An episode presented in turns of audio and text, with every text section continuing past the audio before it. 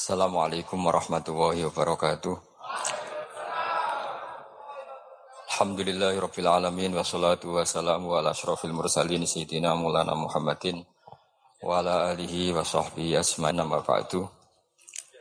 Enggang sangat kula hormati Kiai Haji Dr. Insinyur Salahuddin sedanten keluarga Mbah Hashim, sedanten Duriyah Iki wonten putri, wonten bulik-bulik, wonten Gusumar, wonten Bulili, wonten Stanton.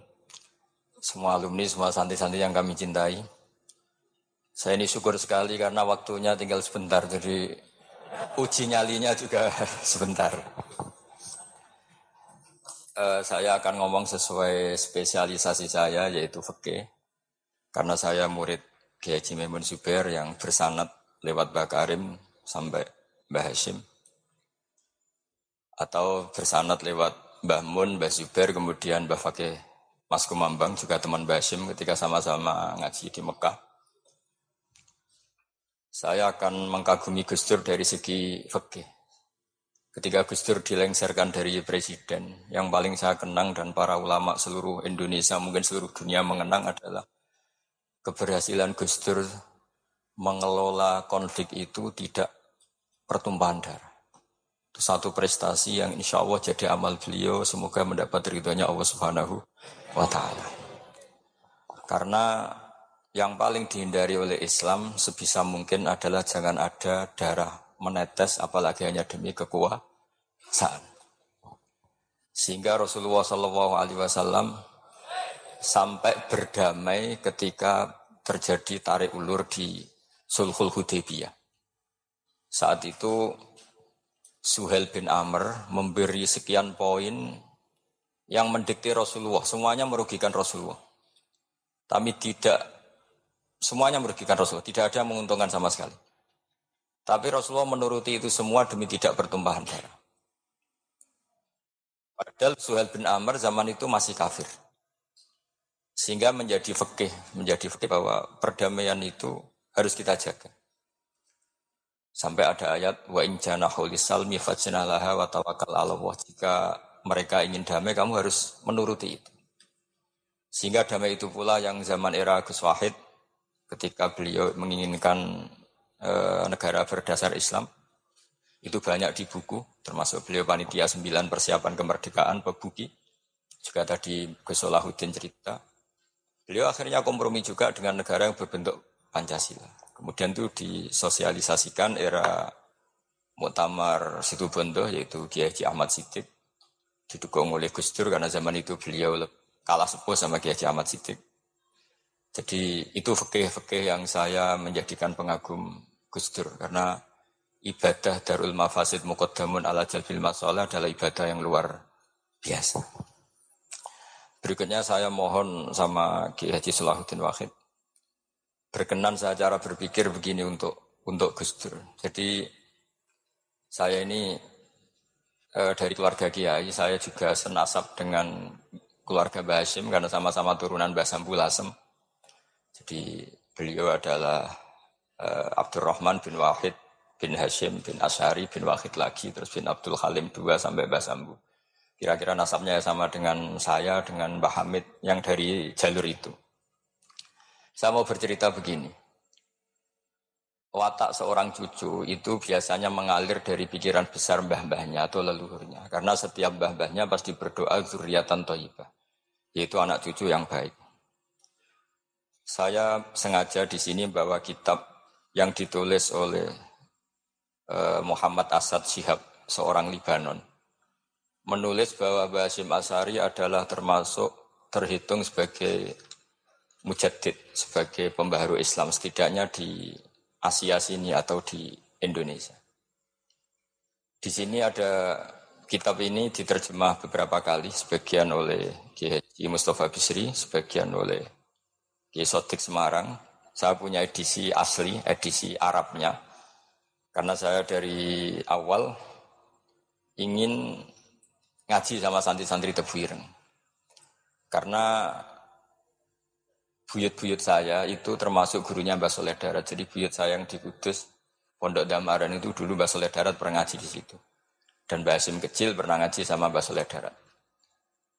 Dan tentu biasa itu dalam ilmu sanat. Guru-guru saya indukannya di Mbah Hashim. Mbah Hashim juga pernah ngaji beberapa ulama di Pantura. Dan saya pastikan di antara perilaku atau manhaj Mbah Hashim adalah ini saya baca guru-guru beliau kemudian ada perilaku yang persis ditiru Gus Dur. Jadi itu bukan sekedar apa eh, bukan sekedar mitos atau kebetulan beliau punya pilihan-pilihan yang dipilih sampai akhir hayatnya. Di sini ada cerita proses Mbah Hashim ngaji, kemudian pernah ada seorang Jerman mau belajar Islam sama Mbah Hashim, kemudian ditemui beliau, ditemui beliau dengan sangat hangat ketika sudah mengenal Islam secara detail. Ya saya ulang lagi, ketika sudah mengenal Islam secara detail, beliau menghentikan, kamu jangan tergesa-gesa, kata beliau. Kamu harus menerima Islam ini secara al-bayinah, secara argumentatif, secara logika yang benar, jangan karena terpaksa. Itu pula yang akhirnya Mbak Hashim mendorong khuriyatul fikri. Orang itu harus merdeka dalam berpikir. Itu pula yang mengilhami Rasulullah Wasallam ketika sulhul Hudaybiyah. Orang kafir yang masuk Islam harus dikembalikan ke habitat kafir karena itu habitat asli karena rata-rata dulu suku Mekah zaman itu kafir semua. Tapi yang orang apa orang Islam masuk kafir harus dibiarkan karena dianggap kembali ke habitat. Tentu semua perjanjian itu merugikan Rasulullah Shallallahu Alaihi Wasallam. Tapi yang unik Rasulullah itu menerima itu semua Kata Rasulullah, sudah perjanjian itu kita terima saja. Akhirnya perjanjian itu diterima. Kemudian orang, tapi Nabi hanya minta satu hal. Orang kafir Quraisy tidak boleh melarang orang diskusi Islam. Akhirnya mereka diskusi, diskusi tentang Tuhan, tentang agama, tentang macam-macam. Sehingga mereka akhirnya membandingkan, enaknya punya Tuhan batu sama Tuhan yang disebut Muhammad. Tentu mereka masih jangkar pakai nama Muhammad. Mereka diskusi. Kalau kita punya Tuhan berhala, efeknya begini-begini. Kalau Tuhan kita banyak, efeknya gini-gini. Diskusi. Yatafa wadu nafil hadis. Mereka diskusi secara terbuka. Terus fama ahadun ya'kilu syai'an illa dakhala fihi. Kemudian seseorang yang berpikir secara benar, yang mengenali Islam, pasti akan masuk Islam. Sehingga karena mereka diskusi bebas tanpa tekanan, akhirnya mereka memilih Islam. Dan setelah memilih Islam, mereka akhirnya ekor Islam sama ekor ya terus sekarang ekor kemudian menjadi Muslim dan otomatis perjanjian itu dibatalkan. Makanya kata Imam Zuhri, Guru Imam Malik, maka nafathun a'zuma fil Islam min sulhul Hudaybiyah. Enggak ada kemenangan Islam sehebat kemenangan dalam Hudaybiyah, yaitu orang berbebas berpikir, Kemudian kebebasan berpikir ini pasti mengarah ke mengaku yang benar, menanggalkan yang salah. Tentu orang dulu mendewa-dewakan lata uzza, pokoknya menuhankan makhluk, menjadi sadar bahwa itu aneh. Kenapa kita harus sembah batu yang dipahat? Kenapa kita harus menyembah makhluk dan sebagainya? Dan akhirnya mereka Islam. Tapi dulu kalau suasana perang itu keinginan orang hanya ingin menang kalah. Jadi yang kafir itu hanya ingin menang, Pokoknya jangan sampai kalah. Nggak pernah berpikir Islam itu apa. Di mana-mana perang itu ya pikirannya menang kalah. Tapi setelah nggak ada perang, meskipun segala perjanjiannya merugikan Islam, orang akan berpikir secara objektif. Makanya fama ahadun yaqilu syai'an illa dakhala. Tidak ada seseorang yang berpikir tentang Islam kecuali akhirnya masuk Islam. Sehingga itu disebut maka nafathun a'zuma fil Islam ini sulhul Hudaybiyah. Enggak ada futuhat yang sebesar sulhul apa? Hudaybiyah. Ya kitab ini namanya Wadi Ulabinat Istiqlalil Indonesia. Mungkin santri Tebireng mungkin lebih tahu ya karena harusnya lebih tahu. Jadi kalau tahunya baru sekarang ya rodo innalillah wa inna ilaihi rojiun. Jadi saya tidak perlu bangga lebih tahu karena memang seharusnya Anda lebih tahu. Kalau ndak ya keterlaluan. Ya namanya itu Wadi Ulabinatil Istiqlal Al Indonesia. Ini saya baca tapi ini demi Gus Dur artinya bahwa pilihan-pilihan itu mulai ada zaman Basim Asyari. Saya baca satu-satu ya mulai kredibilitas ilmu beliau karena dalam Islam itu harus ada sanat. Saya pernah ditanya seorang ilmuwan, Pak Bahak, kenapa Islam itu harus ada sanat? Kita kan orang cerdas kan bisa berpikir sendiri, ngapain nunggu pikirannya orang-orang gitu. Terus saya bilang agama itu agamanya Allah dan Rasul. Kalau pikiran kamu namanya agama kamu, bukan pikiran agama kata saya. Kalau kamu punya pikiran, yang namanya pikiran kamu, tidak agama. Kalau agama itu harus ber, bersanat. Jadi pikirannya Mbak Hashim sama dengan pikirannya Mbak Mahfud, Mbak Mahfud pikirannya sama dengan Said Abi Bakar Sato, Said Abi Bakar Sato sama dengan Sayyid Zaini, Dahlan dan seterusnya dan seterusnya sampai uh, logika itu sampai Rasulullah Shallallahu Alaihi Wasallam. Saya beri sekian contoh. Pikiran yang kita ciptakan bisa salah misalnya begini. Dulu misalnya Nabi pernah bersabda, Al-Qatil wal Maktul Finnar, pembunuh yang dibunuh sama-sama neraka. Jadi idal takol muslimani bisaifihima fal qatil wal matul finnar. Jika dua orang muslim bertemu sama-sama bawa pedang, maka yang bunuh maupun yang dibunuh itu sama-sama masuk neraka. Makanya kita harus syukur sekali Indonesia itu paling menghindari membunuh karena kalau sesama muslim membunuh itu ancamannya berat sama-sama masuk neraka. Bukan sekedar diboyong dari pondok tebu itu neraka. Kalau dibayang pondok gampang, nanti mondok lain gampang. Terus logika sahabat begini, hadza al-qatil, fama bal maktul. Oke ya Rasulullah, kalau al-qatil masuk neraka namanya pembunuh, oke kita terima. Tapi fama balil maktul, lalu dosanya yang terbunuh itu apa? Wong dia korban kok dia dibunuh? Apa jawabannya Rasulullah Shallallahu Alaihi? Jawabannya inahu kana harison ala qatli sohibi. Sebetulnya dia juga mentalnya pembunuh, cuma nasibnya terbunuh. Jadi seperti misalnya sampean hasut saya, itu nggak perlu disakeni. Sebenarnya sampean yang inginnya ya menggusur saya, cuma nasibnya tergusur gitu. Makanya kalau ada orang rebutan pacar kok kalah itu udah usah disakeni. Sebenarnya mentalnya dia perebut gitu. cuma nasibnya kalah gitu loh. Jadi jadi apa ya? Ya tadi. Ya ini penting ya, penting sekali. Jadi sebetulnya ketika duel itu semuanya kan mentalnya pembunuh. Maka dia nasib saja sebagai maktel, tapi mentalnya pembunuh. Karena dia mentalnya, niatnya, komitmennya pembunuh, maka dia sama-sama di neraka. Maktul itu fakta, faktanya terbunuh, tapi mentalnya pembunuh. Sehingga hukumannya sebagai pem, pembunuh. Sama kalau sampean berebut itu mentalnya ya perebut. Cuma nasibnya kalah atau terebut. itu soal nasib. Ini saya baca dulu ya guru-guru Mbah Hasim supaya clear. Selama ini yang dikenalkan beliau ngaji sama saya Mahfud, saya Khotib Minangkabau. Ini di kitab ini. Saya baca sesuai harokat yang ada di kitab ini. Nanti kalau sampai tidak cocok karena beda beda madhab, ya nggak apa-apa asal asal pinter saja.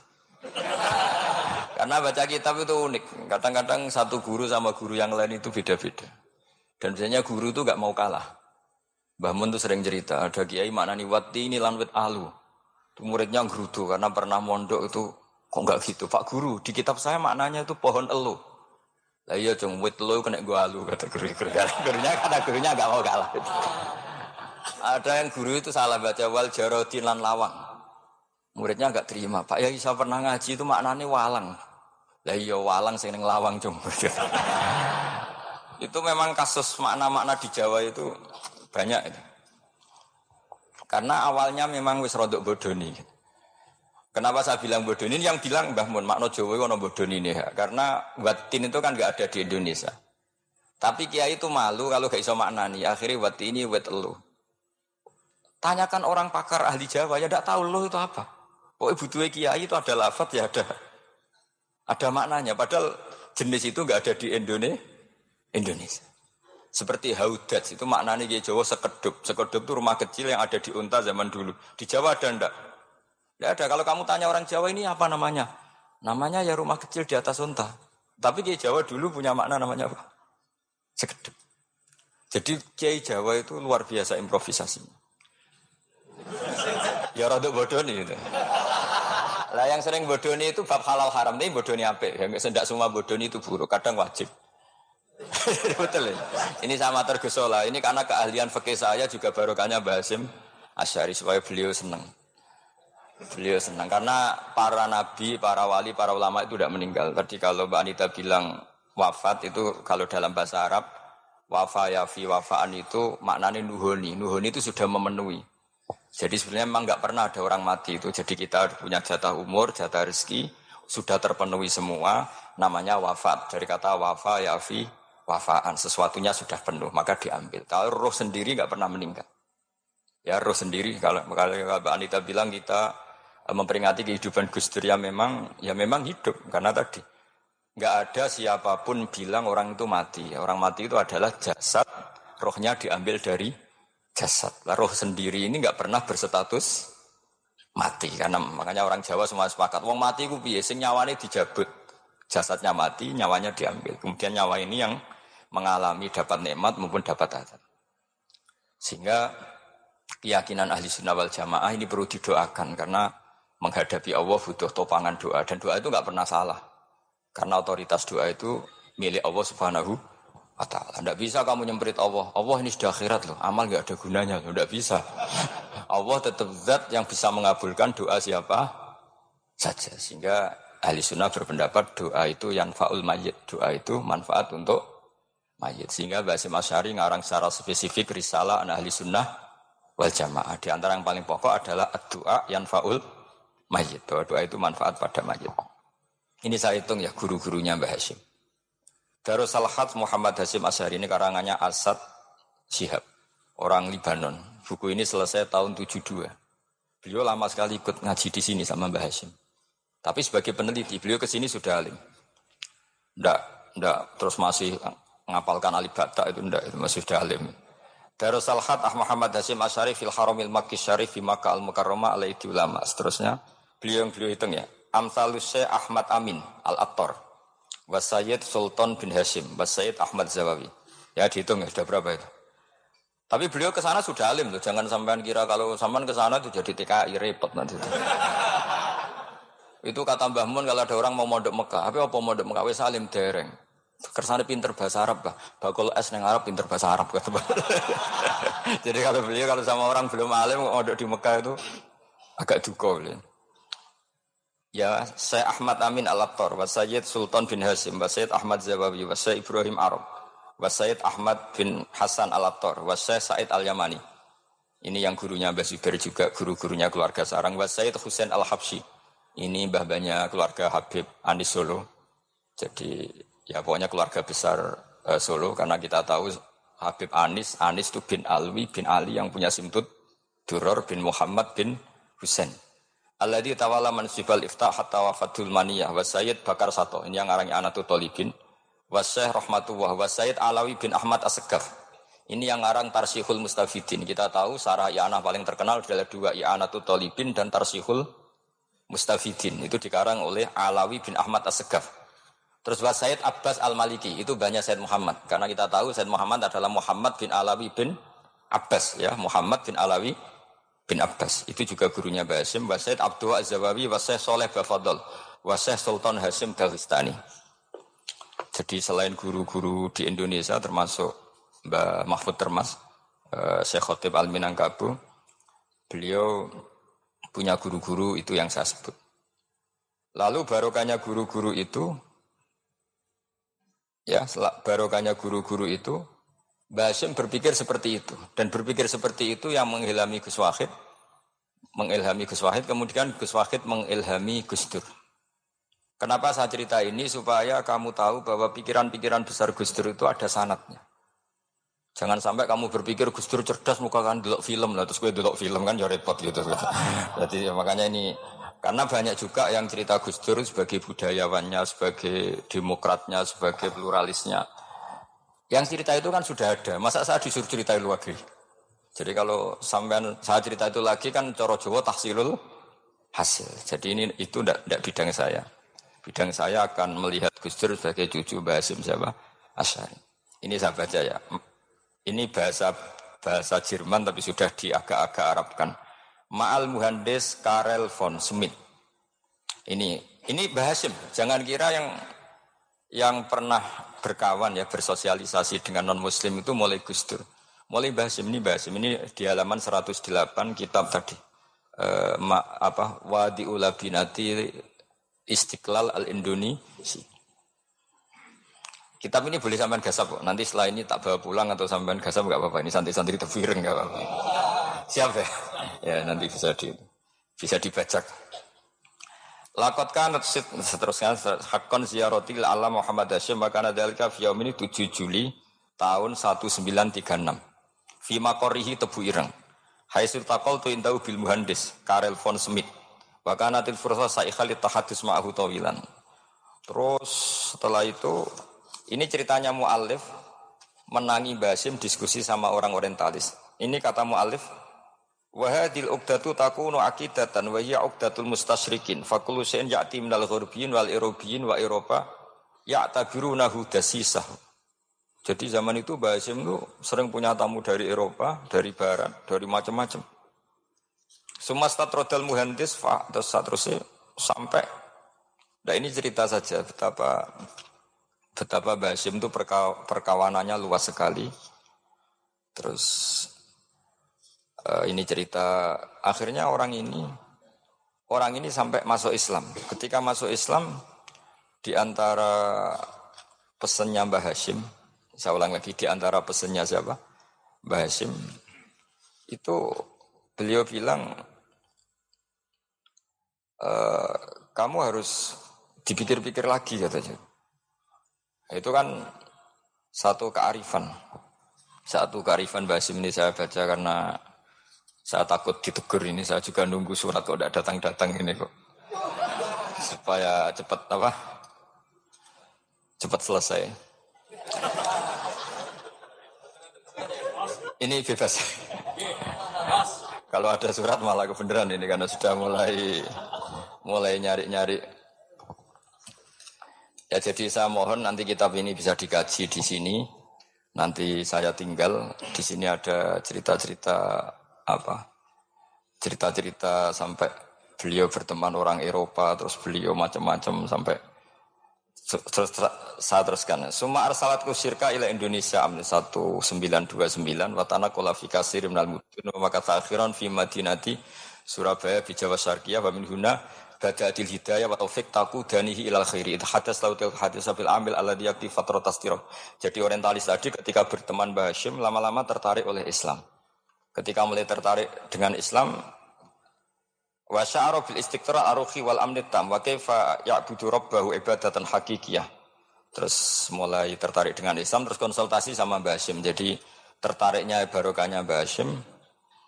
Eh, orang ini kemudian wabakial muhandis. Muhandis itu insinyur.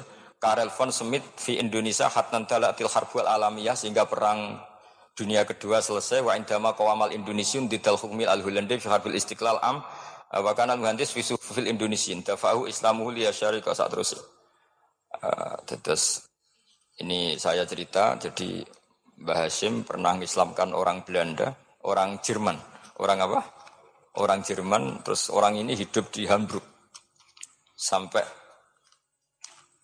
ya sampai akhirnya beliau dakwah Islam di sana. Jadi ini apa? Ini penting ya supaya sampean tahu bahwa Tebu Ireng mulai dulu adalah komunitas internasional. Ya, Tebu Ireng mulai dulu adalah komunitas internasional. Jadi Terus ketika ngadepi Indonesia yang dijajah, ya Indonesia yang dijajah, ini Mbah Hashim bersama kawan-kawannya sepakat iktikaf di multazam. Ini saya baca ya. Uh, Wa akhiran istama'a ma'a nukhbatin min haula itolaba min zalama alaihi alhad Muhammad Hashim ala ayata ahadu wa yakumu bi amalin fi lailatin lailan min laili syahri Ramadan. Al muazzam istama'a haula itolaba waladina yantamuna ila iddati qawamiyatin Qawamiyah itu kalau bahasa sekarang perlawanan min Afrika, wabil dani Janubi Asia, Asia Tenggara, wa Asia Lusto, Asia Tengah, wal buldan al Arabiyah, wa kanal hat Muhammad Hashim Asari ahadahum, bahwa kofu jami'an ama mal multazam bil ka'batil musyarrafah, wa ahadu wa aksamul yamin ala yakum bil jad fisabilillah li ilahi kalimatil Islam wa tauhidil muslimin bin nasri ilmi wa tauiyah wa tafakuh fiddin tolaban lil mardatillahi ta'ala la yarjuna min wara'i dzalika malan wala mansiban li anfusihim. Jadi sebelum beliau pulang ke Indonesia, itu komunitas Asia Tengah, Asia Dekat, Asia Jauh, Semuanya dijajah karena Mesir dijajah Prancis, yang ini Burma dijajah ini, yang Indonesia dijajah ini, semuanya berdoa di Multazam. Intinya Mbah Hashim itu patriotik betul, patriotik betul. Tapi ya religius betul, beliau berdoa di Multazam, beliau menyanggupi siap jihad melawan penjajah, tapi saat itu juga berikrar kalau semua itu tidak untuk nyari pangkat. Makanya saya yakin Gus Dur adalah orang saat jabat presiden karena supaya Indonesia tidak chaos. Buktinya apa? Ketika beliau dilengserkan ya santai saja. Wong ngaji ini wamal hayatu dunya ilama taul hurur. Jadi ya santai saja. Itu. Tidak, tidak jadi masalah. Terus kitab ini menerangkan ini saya baca ya. Mati dual aladina laha musta'maratun. Musta'marat itu dijajah mislu Holanda wa Inggris wa Rusia wa Pernisa wa fiadal amri bidzat aro ana alal muslimin wal mas'ulin khususan. Ini intinya ulama-ulama yang dari timur jauh kemudian sowan ke Mbah Hashim minta fatwa karena negara-negara mereka juga dijajah. Jadi dulu orang dari Jerman, dari mana-mana belajar Islam juga sama Mbah Hashim. Yang negara-negara Asia Timur, Asia dekat itu juga kalau konsultasi apa kemerdekaan juga sama siapa? Mbah Hashim. Jadi uniknya kitab ini ditulis oleh orang Libanon. Jadi orang Libanon itu saking penasarannya sama Mbah Hasim Asyari itu datang ke sini. Ya datang apa? Datang ke sini untuk belajar sama Mbah Hasim. Dan di antara e, belajar itu, kemudian sampai sini ternyata tamu-tamunya Mbah Hasim dari berbagai negara. Mulai yang konsultasi cara memerdekakan negaranya karena mengalami dijajah, sampai cara belajar Islam yang benar. Termasuk tadi yang Karel von Smith tadi yang masuk Islam karena konsultasi sama Basim, padahal dia orang orang Jerman. Terus di antara kelebihannya Basim, ini juga ditiru Gus Dur, wal haji Muhammad Hasim la yajitu kharojan ayuna kisau same wal mukhotob. Bal yurahibu bidzalik. Basim orang yang nggak tersinggung ketika pendapatnya ditentang atau digugat oleh lawan bicaranya. Beliau santai tidak tidak apa Terus ya tidak berontak, ya santai aja. Enggak terus anggur dibantah, oh bantah kiai kualat. Enggak, enggak ada itu, enggak ada sanatnya. nah ini saya pastikan ya bahwa eh, ke, kehebatan Gus Dur itu kita enggak lepas dari barokahnya siapa? Bahasi. Sekali ber Rasulullah Shallallahu Alaihi Wasallam sebagai Sayyidul Kholki, Sayyidul Ambiya Al Mursalin, Beliau yang ngakui anak dakwatu Ibrahim wa bisyaratu Isa. Aku hebat nih ini baru kait dengan Nabi siapa? Ibrahim. Maka ini sesuatu yang saya tekuni jadi enggak salah kalau bicarakan Gus Dur ya harus bicarakan Mbah Hashim. Sama bicarakan Nabi Muhammad Shallallahu Alaihi Wasallam juga harus membicarakan Jadduhul A'la yaitu Ibrahim alaihis alaihissalam. Jadi uh, ini kitab bisa di apa bisa dipakai atau digasap ya nggak apa-apa. Artinya gini, gasap itu kalau saya ada ridho jadinya gasap, kalau saya ada ridho, kalau ridho ya jadinya boleh. Dan menjadi gasap kalau nggak dipelajari. Ya, jadi kalau enggak terus dinggo, dinggo jimat itu kita fokus bahas sakti, wah ya repot makanya ini. Nah kalau dipakai itu gasap. Tapi kalau nanti didiskusikan sama teman-teman, kemudian menjadi baik, menjadi luar biasa, saya ikut ngamal. Terus saya ulang lagi, saya teruskan. Ittisolatuhu itu solatu itu komoditas beliau. Lahu iti solatun wasiatun wa mukatabatun ma'akatsirin min zu'ama'il alam al-islami fi dhalikal ahdi. Fianahum Asy Abdul Aziz As-Sa'alibi wa Sayyid Diyauddin wa Syairozi Adwil Injil al terus soal terus beliau punya perkawanan besar di komunitas internasional termasuk Syekh Muhammad Abdul Karim Al-Khattabi wa Sayyid Alawi bin Tohir Al-Haddad Mufti Sultanati Johor Ya, beliau berkawan dekat sama muftinya kerajaan Johor, wa Muhammad Ali, wa Syaukat Ali bil Hindi, wa Muhammad Ali Jana, Muhammad Iqbal.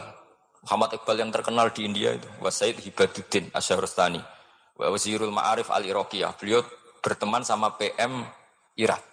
Jadi kalau Gus Dur dari Mesir belajar di Irak, ternyata dulu mbahnya teman akrabnya Perdana Menteri apa? Irak. Terus banyak waro isu majelis tamjiz wasyid al alama Muhammad bin Akil wasyid Muhammad Jadul Maula Muhammad Surur saat terusnya itu. Jadi apa ini nanti saya tinggal termasuk catatan-catatan ini saya mohon ridho dari Gusola dari supaya santri-santri sini belajar bahasim lebih serius supaya gampang. Kenapa saya katakan harus seperti ini? Dulu Nabi Ibrahim itu di antara anak cucunya, itu secara lahir ada yang tidak soleh.